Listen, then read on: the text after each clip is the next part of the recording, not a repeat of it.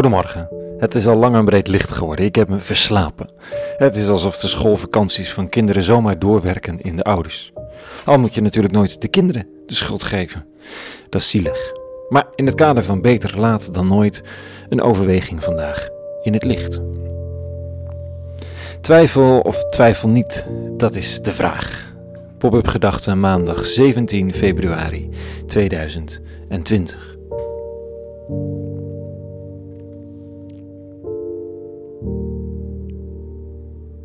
Twijfel is voor veel gelovigen ondertussen tot een geloofsartikel verheven. Een dogma, zo gezegd. Een paradoxaal dogma natuurlijk, maar, zullen we zeggen, dat is precies het idee, want pas als iets paradoxaal is, dan is het mogelijk waar. Zeker weten we dat niet, want dan zouden we twijfelen aan ons twijfeldogma. Maar het zou kunnen. Jan Terlouw schreef de prachtige memoires met de titel Hoed u voor mensen die iets zeker weten. Binnen en buiten de kerk is zeker weten iets geworden om te verketteren, al is het maar een beetje. En er is iets groots en krachtigs aan twijfel. Het heeft me gebracht waar ik ben en zal me hopelijk, hopelijk nog heel lang vergezellen. Twijfel knaagt aan de troon van zelfingenomenheid, aan de poorten van uitsluiting en het holt de stok uit om jezelf of de ander mee te slaan. Troon, poort, stok, aangevreten als door een legertje termieten, en daar sta je dan.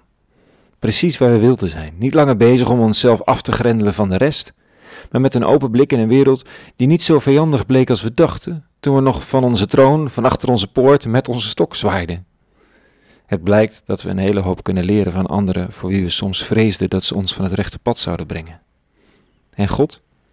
Ja, hij of, zij of, het notabene blijkt alomtegenwoordig. Scheelt weer de poort sluiten. Je houdt er toch niet binnen. Buitensluiten lukt ook al niet, kortom. Twijfel is een zegen. En een vloek. Dat moet toch ook gezegd. Je kunt niet zomaar zonder twee woorden gaan spreken als je net twijfel ontdekt hebt als een kracht. Gezonde twijfel ondergraaft ook het nieuwe dogma van de twijfel. Het is een mentale toer hoor, maar het kan. Echt, waarom het kan? Omdat er geen beschrijfbare, alomvattende waarheid meer is. Goed, de waarheid is er wel. Maar zoals bijna alle wijze theologen, dichters en kunstenaars zullen zeggen, we vangen er slechts glimpen van op. En wie een glimp tot een totaal verklaart, doet onrecht aan het geheel van het mysterie. Twijfel aan de twijfel dus, en wel met Jacobus vanochtend. Dat is toch een van mijn favoriete Bijbelschrijvers, omdat hij zo stevig oproept tot actie. Dit staat er. Schiet iemand van u tekort in wijsheid, dan moet hij er vragen aan God. En zij zal hem gegeven worden, want God geeft aan allen zonder voorbehoud en zonder verwijt. Dat vind ik fantastisch, hè? Wijsheid. Oncontroleerbaar natuurlijk ook.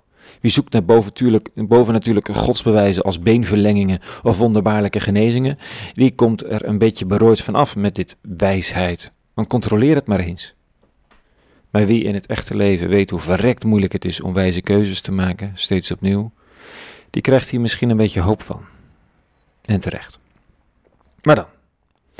Maar, zegt Jacobus, hij moet wel bidden met vertrouwen, zonder te weifelen. Wie weifelt lijkt op de golven van de zee die door de wind heen en weer geslingerd worden. Zo iemand, innerlijk verdeeld als hij is en ongestadig in heel zijn gedrag, moet niet menen dat hij iets van de Heer zal krijgen. Bam. Daar zit je dan, met je twijfeldogma. Denk ook maar niet dat je ook maar iets krijgt als je twijfelt. Nou ja, dan kan ik dus wel inpakken, hè? Want twijfel is het nieuwe heilig. Wat nu?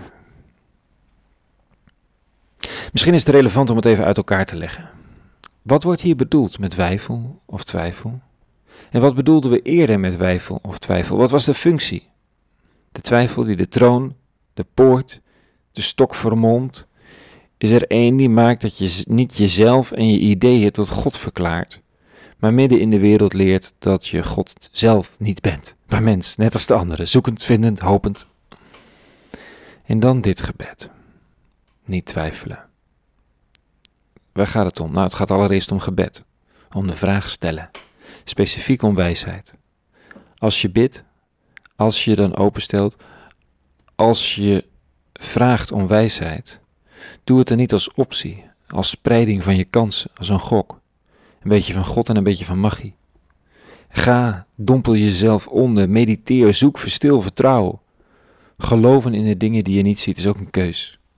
Met al mijn twijfel aan de juistheid van mijn eigen opvattingen heb ik me toegewijd aan het ontdekken van de betekenis van Jezus, de Rabbi van Nazareth, in deze onze wereld. Dat is mijn belangrijkste drive achter.